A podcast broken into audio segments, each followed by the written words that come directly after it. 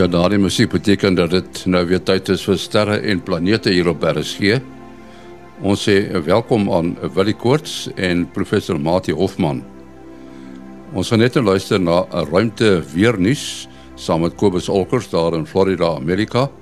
Maar voordat eers 'n ruimte nuus wat geskryf word deur Herman Turin in Bloemfontein dat die ruimtetuig wat die eerste mens om die aarde gedra het, Yuri Gagarin, eintlik ontwerp was om kernbomme af te lewer, is nie al uniekheid van die gebeurtenis van jaar 60 jaar gelede nie. Om te voorkom dat Gagarin nie tydens die landing omkom nie, moes hy op 'n hoogte van 7 km bo die grond uit sy kapsule uitskiet en met sy eie valskerm land. Op die grond het hy 'n boer en sy dogter die skrik op die lyf gejaag en hy moes vir die vlugtendes terugroep om te vra of hy asseblief hul telefoon kan gebruik om 'n oproep na Moskou te maak. Gagarin het ook 'n tradisie begin wat tot vandag toe in gebruik is. Onderweg na die wagtende ruimtetuig het hy gevra dat die busie gou stop sodat hy sy nood teen een van die wiele kon verlig. Nie eens die elektromagnetiese aandrywers se drukkrag kon verklaar hoe dit moontlik sou wees om as ware swaartekrag te oorkom, so selfs 'n portuurbeoordelingseksperiment blykbaar bewys het. Die drietal het egter gou vasgestel dat daar 'n fout gemaak is en die verwagte reuse ruimte deurbraak wat baie geglo het moontlik sou wees, sal nie nou materialiseer nie.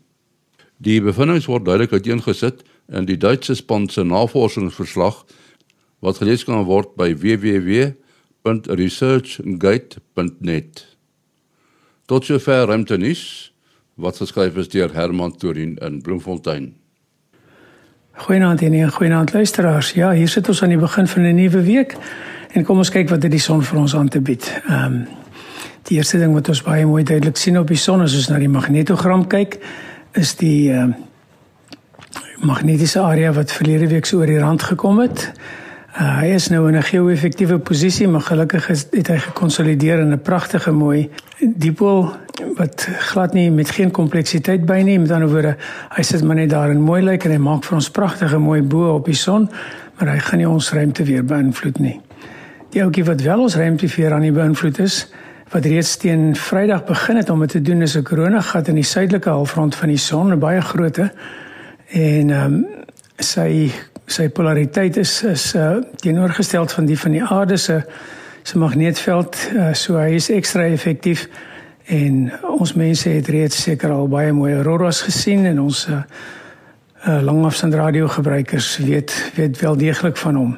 Dan het ons twee filamente so in die noordelike halfrond van die son. Uh, altyd lyk vir my baie stabiel lyk nie of hulle gaan gaan uh, of opstyg of platval nie.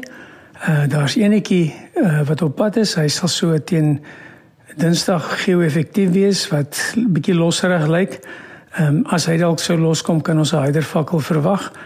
En ehm um, dit kan dit kan dalk die uh, agtergrondgeraas 'n bietjie opstoot vir ons uh, radiogebruikers. Ons het egter geen probleme met internet en met enige van die soort van goed nie en dan 'n laaste interessante dingetjie is ons het vroeër hierdie week 'n uh, 'n baie interessante, pragtige koronamassa uitbarsting gesien wat amper lyk soos 'n uh, soos hierdie rookringe wat iemand uitblaas. Hy is gelukkig nie in die rigting van die aarde op pad nie, maar hy was pragtig om na te kyk. Nou ja, tot volgende week. Totsiens. Wil jy ons het uh, hele klompie briewe gekry. Uh, miskien wil jy net so 'n uh, voelvlug onderneem oor die briewe. Daar is wel wat eintlik uh, die dieselfde goed aanspreek, nê? Nee. Uh ja, dis reg en en van hulle is nou al 'n uh, uh, rukkie uitstaande. Ja, so die twee wat min of meer dieselfde strekking het, die een is deur Dink Dirk Brink uh, wat op 28 Februarie uit uitgestuur was en dan nou die afgelope week het Catherine Skeepers ook ietsie gestuur. Ja, so dit is dis albei oor oor goed wat hulle in die nag gesien het.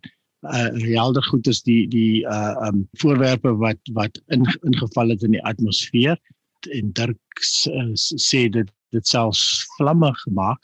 So dit is dis 'n taamlike groot groot voorwerp gewees het wat wat ingekom het. En en en Catherine hulle hulle was by Appington in die Noord ja, miskien net sê Dirk was by Ceres en en Catherine hulle was by Appington en ehm um, hulle was naby die Botswana grens en die honde het begin blaf en uh, het hulle harde ontploffing gehoor en toe is die hemel verlig. So dit is interessant dat dit die volgorde is. So uh want gewoonlik die lig is mos nou baie vinniger by jou as die as die klank. Op ons Facebook groep is daar 'n ou met die naam van Tim Cooper wat eintlik Suid-Afrika se uh, meteoriet of meteoor koning is. Meteoriet is natuurlik wanneer hy geval het en hierdie goed sou nie noodwendig al geval het nie, maar partymal het uh van hierdie uh wat genoeg mense dit gesien het uit verskillende rigtings kan hulle self bepaal waar dit moontlik kon geval het en en hulle het al in in gevalle gekry dat dit uh, wel uh, ge, uh, gevind is. Um hierdie is is uh vir al kerke hulle was onbewoonde area so die kans dat genoeg ander mense uh iets soortgelyk kon gesien het wat hulle um wat hulle dit kon rapporteer is miskien nie, nie groot nie. So ons het eintlik in geen van die gevalle nog van ander uh, uh mense gehoor wat dit gesien het. So weer eens kan ons maar net sê daar is 'n webtuiste of jy kan sommer Google vir report a sighting. Uh die sterkkundige vereniging van Suid-Afrika het um, het 'n bladsy report a sighting en dan vra hulle vir jou 'n klompie vrae. So mense moet uh, ons het al voorheen genoem uh let maar die natuurlik die datum, die tyd redelik akkuraat as jy kan en dan soveel as moontlik inligting van die rigtings waarin die ding beweeg het, waar hy eers te verskyn het en, en as ons nou praat van rigting, dan is dit nou soos noordwes en uh suidoos en so dit het hy beweeg. Um jy kan grade ook uh, gebruik as jy weet om jou hand basies as jy jou hand op armlem te oopstrek dan is van jou pinkie tot jou duim omtrent 20 grade, jou face is omtrent 10 grade.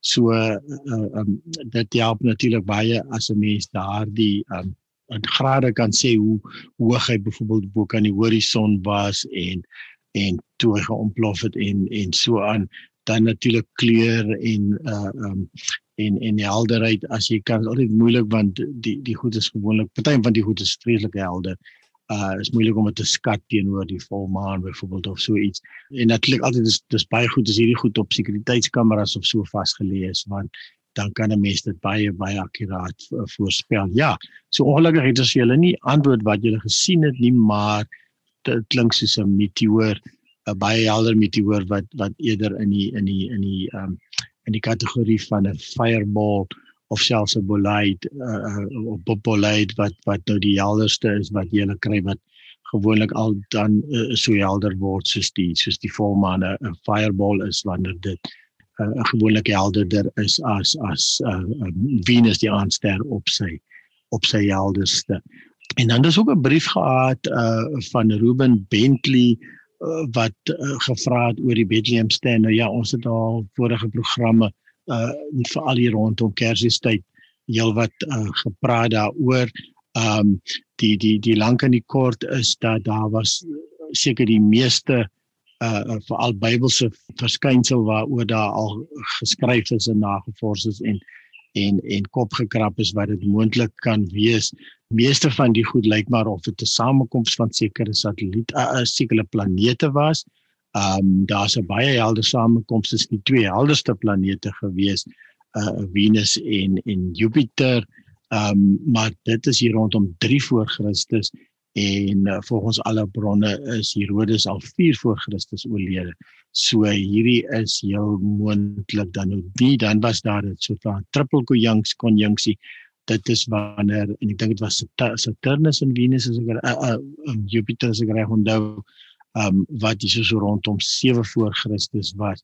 Maar uh, baie mense het ook natuurlik nou alweer verduidelik dat die goed is nie daar's goed wat nie wat nie klop nie. So eintlik die kort antwoord is ons ons weet nog nie. En dan Olivier Kritzinger het 'n bietjie gevra oor uh, uh die ou gelowe van plant volgens die maan en uh, jy verbou en jy oes op 'n sekere tye in alles volgens die maan se fases. Nou um ek het 'n 'n paar jaar terug het ek 'n artikel geskryf uh 'n bietjie gaan navors uh vir vir 'n 'n landboutydskrif en uh dit was interessant hoe ver die goeters nou al teruggaan want um van van hierdie goeters kom uit die Babiloniese tyd uh en die Griekse filosowe en so hulle het byvoorbeeld geglo dat um die 12 uh sterre tekens wat jy jou sterre voorspel in die diereriem nou vir ons gee uh kan in groepe ingedeel word sodat Aries, Leo en Sagittarius byvoorbeeld met vuur te doen het, uh Taurus, Virgo en en Capricorn met grond, uh Gemini, Libra, Aquarius met lug en dan die res met water. So uh, uh en dan is die maan om nou in sekere van hierdie uh uh konstellasies bevind wanneer dit volmaan, ek weet ook nie wat alles is nie dan dan um dan het dit nou te doen met met uh, uh dor of vrugbare tye. En en dan het hulle nou ook die vier elemente uh van grond, lug, water en en en um ja al al hierdie goeders. Maar nou uh, is dit ook interessant en dan het hulle nou die plantsoorte ook in kategorieë ingedeel van die blare en die wortels en die blom en die vrug. En dan afhangende van die die die maanfase en waar hy nou in die hemel is uh, uh het dit nou te doen met um met met of jy of jy nou kan saai of plant of snoei uh of uh of oes. En uh ja so langs tot die kort toe uh, uh moderne navorsers het nou ook al gekyk uh kan daar enige verbintenis wees? Want jy kan nou eintlik twee goed dink is dis hoeveel uit lig is dit volmaan is dit helderder in die nag? En en dan ook die swaartekrag um wanneer die wanneer die maan in die in die soos nuwe maan wanneer die maan in die son aan dieselfde kant van die aarde sit en met volmaan aan teenoorgestelde kante. En um hulle het eintlik baie min bewyse gekry dat dit eintlik die plante affekteer of selfs die die grondwater. Um daar is wel 'n klein verbintenis met DNA variasies um, wanneer dit uh, staat vrugbaarheid en dan die sinodiese fase van die maan maar ehm um, dit is dit is eind dis eintlik maar baie baie klein en en uh die effekte is is eintlik baie min. Matie ons weet nou van die Hubble ruimteteleskoop, daar's 'n paar ander die Spitzer en so voorts en hopelik een van die dae die James Webb. Maar nou is daar 'n ander teleskoop wat uh, ook beplan word en uh, dit is die uh teleskoop wat uh, te doen het met uh, Nancy Grace Roman. En uh, die vraag word gevra of Nancy Grace Roman teleskoop dalk 'n 100 000 planete kan vind. Vertel ons 'n bietjie meer van hierdie teleskoop. Uh, nee, ja, eerstens, uh, wie was Nancy Grace? Nou, uh, Grace Roman, hulle verwys na haar as die moeder van die Hubble teleskoop. Uh, so dis nou heel gepas dat 'n uh, volgende uh, ruimteteleskoop wat in grootte vergelykbaar is sy uh, basiese objektief spieël met die beroemde Hubble teleskoop dat dit dan haar genoem word. Nou sy was hoof van sterrekunde in NASA ehm um, in die ja nou enkele dekades gelede en sy het toesig gehou, die leiding geneem met die ontwikkeling van die Hubble teleskoop. Uh daar was ook 'n ander ruimteteleskoop waarin sy 'n belangrike rol gespeel het. Uh so merkwaardige 'n uh, briljante vrou. Uh, nou ons het al vroeër vir die luisteraars nou vertel van die uh, die TESS teleskoop. Nou die TESS teleskoop gaan nou met die sogenaamde transit wel is reeds besig die transit metode na eksoplanete uh, soek en dit is waar 'n mens 'n planeet kan ontdek of 'n eksoplaneet dan spesifiek wanneer die planeet se baan hom tussen die aarde en die uh, ster invat en dan 'n klein bietjie van die lig van die ster afskerm en as jy die helderheid van daai ster baie akkuraat en gereeld kan weet, kan jy dit nou kan jy nou daai planeet ontdek. Ehm um, en jy moet dit ten minste 3 keer sien soos wat die planeet in sy baan om die ster beweeg en as jy dit nou 3 keer gesien het, dan kan jy uh sê dat daar 'n uh, heel waarskynlike eksoplaneet is en dan moet hulle dit gewoonlik ook met 'n uh, waarnemings van ons aarde met die ehm um, sogenaamde radial velocity metode uh ontdek wat met die Doppler effek werk. Nou die Nancy Grace Roman gaan ook die transit metode gebruik. Dit het 'n baie wye veld so kan 'n groot deel van die naghemel op 'n slag uh, raak sien. Anders as die Hubble teleskoop wat 'n nou uh uh veld op 'n slag kon waar uh, waarneming vir baie meer gespesialiseerde 'n wye groep van projekte gebruik is. So die Nancy Grace Roman teleskoop is gespesialiseer vir die vind van eksoplanete. Dit gaan dan ook die transit metode gebruik soos uh, die die test uh instrument, maar dit gaan ook 'n uh, ander opwindende tegniek, die microlens tegniek gebruik wat die ander tegnieke uh, weer mooi aanvul. Nou op hierdie stadium weet hulle daar's baie uh eksoplanete. Presies hoeveel dit weet hulle nie, maar bloot uit die relatief uh klein steekproef uh wat met die uh, ander beroemde teleskoop wat nou al uh, ongelukkig nie meer uh, uh werkend is nie, die Kepler teleskoop wat 'n uh, paar duisend eksoplanete help ontdek het. Ehm um, en dan nou die test wat uh sy opvolger was. Ek gaan nou dit albei aansluit. Uh wat nou opwindend is is dat hierdie uh Nancy Grace Roman teleskoop dan ook die microlens tegniek kan gebruik.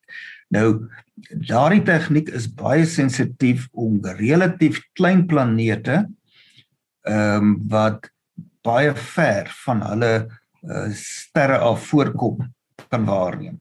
Terwyl die transit tegniek is meer sensitief om groot planete so die sogenaamde uh Jupiter tipe of uh of die super Jupiters waar te neem wat in bane naby aan hulle sterre is. En dit is nou glad nie hoe ons sonnestelsel werk nie want die gasreuse is daar op die buitewyke van die sonnestelsel en dit vat jare lank vir hulle om 'n 'n omwenteling voltooi.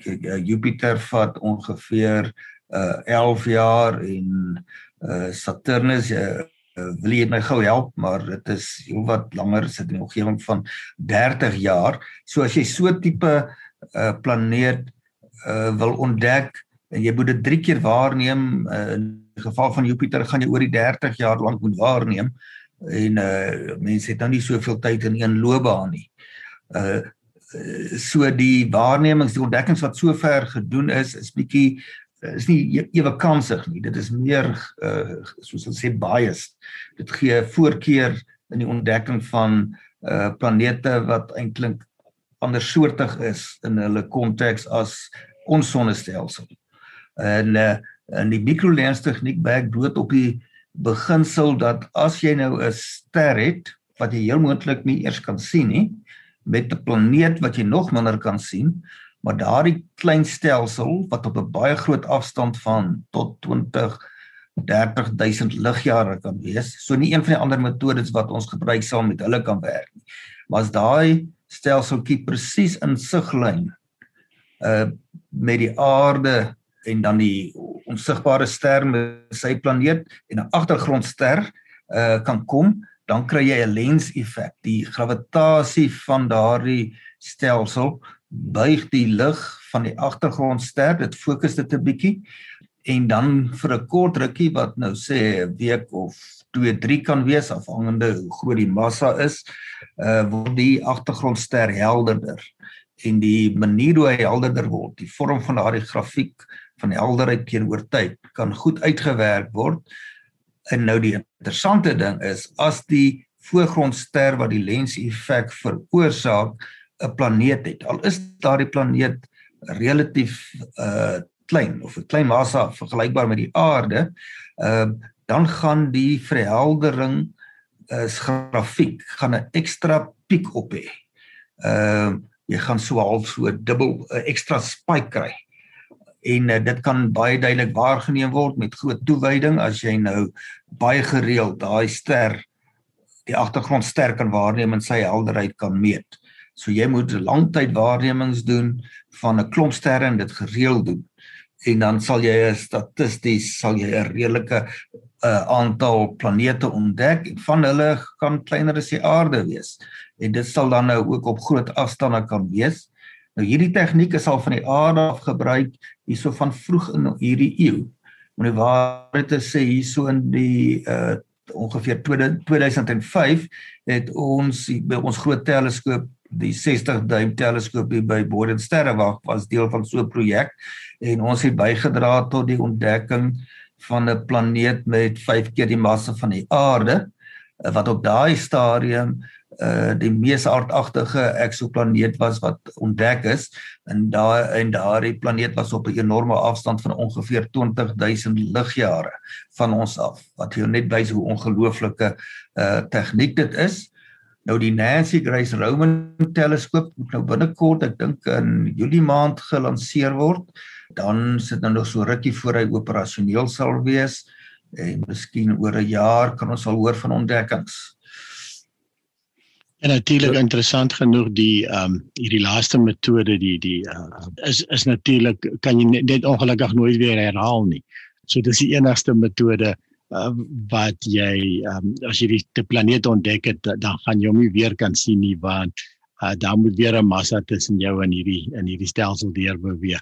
So uh, maar soos jy sê baie sensitief. Ons het dit van Sutherland af op natuurlik. Uh jy van hy het seker dieselfde tyd daar toe jy ook by die, die projek betrokke was. Ja. Ja. Willie, uh dis nou al 60 jaar gelede.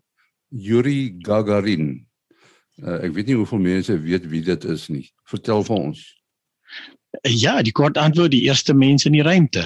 Ehm um, die ons weet almal van die uh ruimte resies tussen die Amerikaners en die en die Russe en die Russe het eers gewen met uh Sputnik 1 uh hier in Oktober 1959 en en toe die Amerikaners probeer inhaal en uh toe die volgende uh, daar was eintlik nou nog ander ander goeters ook die Russe was het vinnige ding om die maan gaan vlieg uh, en nog voor die Amerikaners kon en nog voor die Amerikaners hulle oë kon uitvee toe op die 12de April 1961 dit is nou laas maandag uh, presies 60 jaar terug het hulle 'n mens in die ruimte uh laat laat vlieg. Yuri was een van omtrent 5 of 6 uh is amper sê space cadets.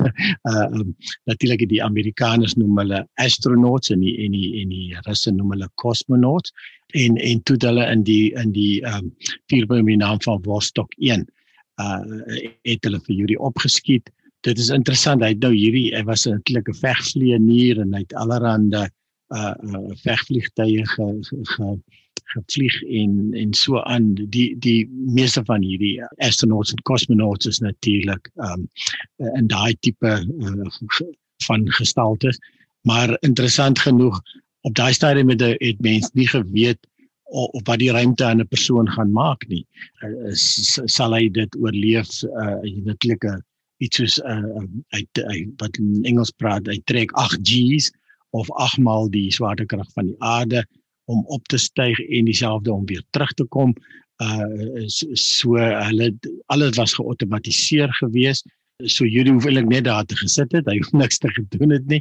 En hy's eenmal om die aarde 1 minuut uh, 48 later uh het hy weer ingekom in so 'n ronde kapsule en en interessant genoeg daai tyd het dit so gewerk dat kosmonaut in die geval uh iets soos 'n uitskietstoel in 'n vliegtuig. Hy moet homself uitskiet uit hierdie uh kapsule die kap. Hy sal nie die val oorleef nie en dan en dan kom land hy met 'n uh, met 'n valskerm. En uh die die die uh, die storie gaan dat um dat dat hy het daar ergens geland op 'n plaas en hy het gestap na die naaste plaashuis en hy het gevra of hy kan die hoofkantoor bel en hulle hom kom haal. So ja, so dis was was robotye, maar op die manier het het hulle toe nou die Amerikaners gewen deur die eerste eerste persoon in die ruimte te sit. Nou interessant genoeg Yuri uh was toe nou in in in Rusland was 'n geweldige held. Hy sou 'n tweede vlug op op uh, Soyuz 1 die eerste Soyuz. Nou ja, Soyuz was nou laasweek was al weer 'n lansering na die ruimtestasie toe. Dis 'n ou tegnologie wat nou nog vlieg. Wel, is eintlik nog 'n moderniseerde tyd dan gaan. Maar hoe dit ook al sê en die Soyuz 1 het 'n ongeluk gehad. Hy was gelukkig net op bystand en en het nie um het nie gevlieg nie sy sy sy beste vriend was toe dood in die ongeluk en en toe met die feit dat hy nou so groot held is het die het die Russiese uh, owerhede hom owerhede hom toe gesê nee nee hy gaan liewers nie hy gaan liewers nie weer in die ruimte in so dit was sy eerste en sy laaste vlug en um en en my kon daarom wel uh vegvliegtye nog vlieg. Uh klink my hy was maar taamlik gefrustreerd dat hy nou nie eintlik niks mag doen nie. Hy's nou hierdie groot held en hy moet nou in watter gehanteer word en en die ouetjies in die wieg gelê om vegvliegtye te toets. So uh, hy is toe uiteindelik dood in 'n in 'n vliegtuigongeluk So uh interessant genoeg een van die sterrekundiges wat ons teleskope in Sutherland gebruik het, uh is Russe. En sy vrou en interessant om te vertel hoe hulle vertel eintlik hoe groot held uh hierdie uh, Yuri was. En Yuri is elke keer ek weet nie of daar weer 'n gedenkpunt uitgekom het nie, maar elke 10 jaar het daar 'n gedenkpunt uitgekom wanneer dit elke 10, 20, 30 is en en sy het nogal vir my 'n paar van die munte gegee. Ek het uh, gisteraan probeer soek daar of ek die munte kan kry in my kluis maar ek het, ek het kon hulle toe nou nie kry nie. Maar uh, ja, so 'n interessante stukkie geskiedenis oor die eerste man in die ruimte.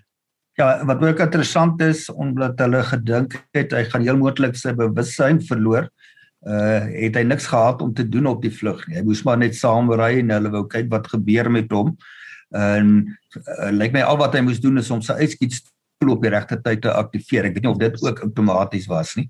Ja. Um, maar in elk geval uh hulle het hom gekies omdat hy gewys het hy kan daardie uh hoë versnellings en vertragings hmm. oorleef.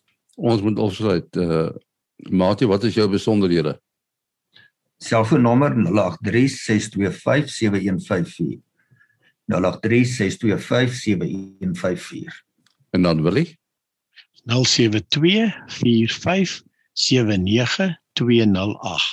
0724579208 En as jy aan die uh, manne wil skryf, hier is die program se e-posadres.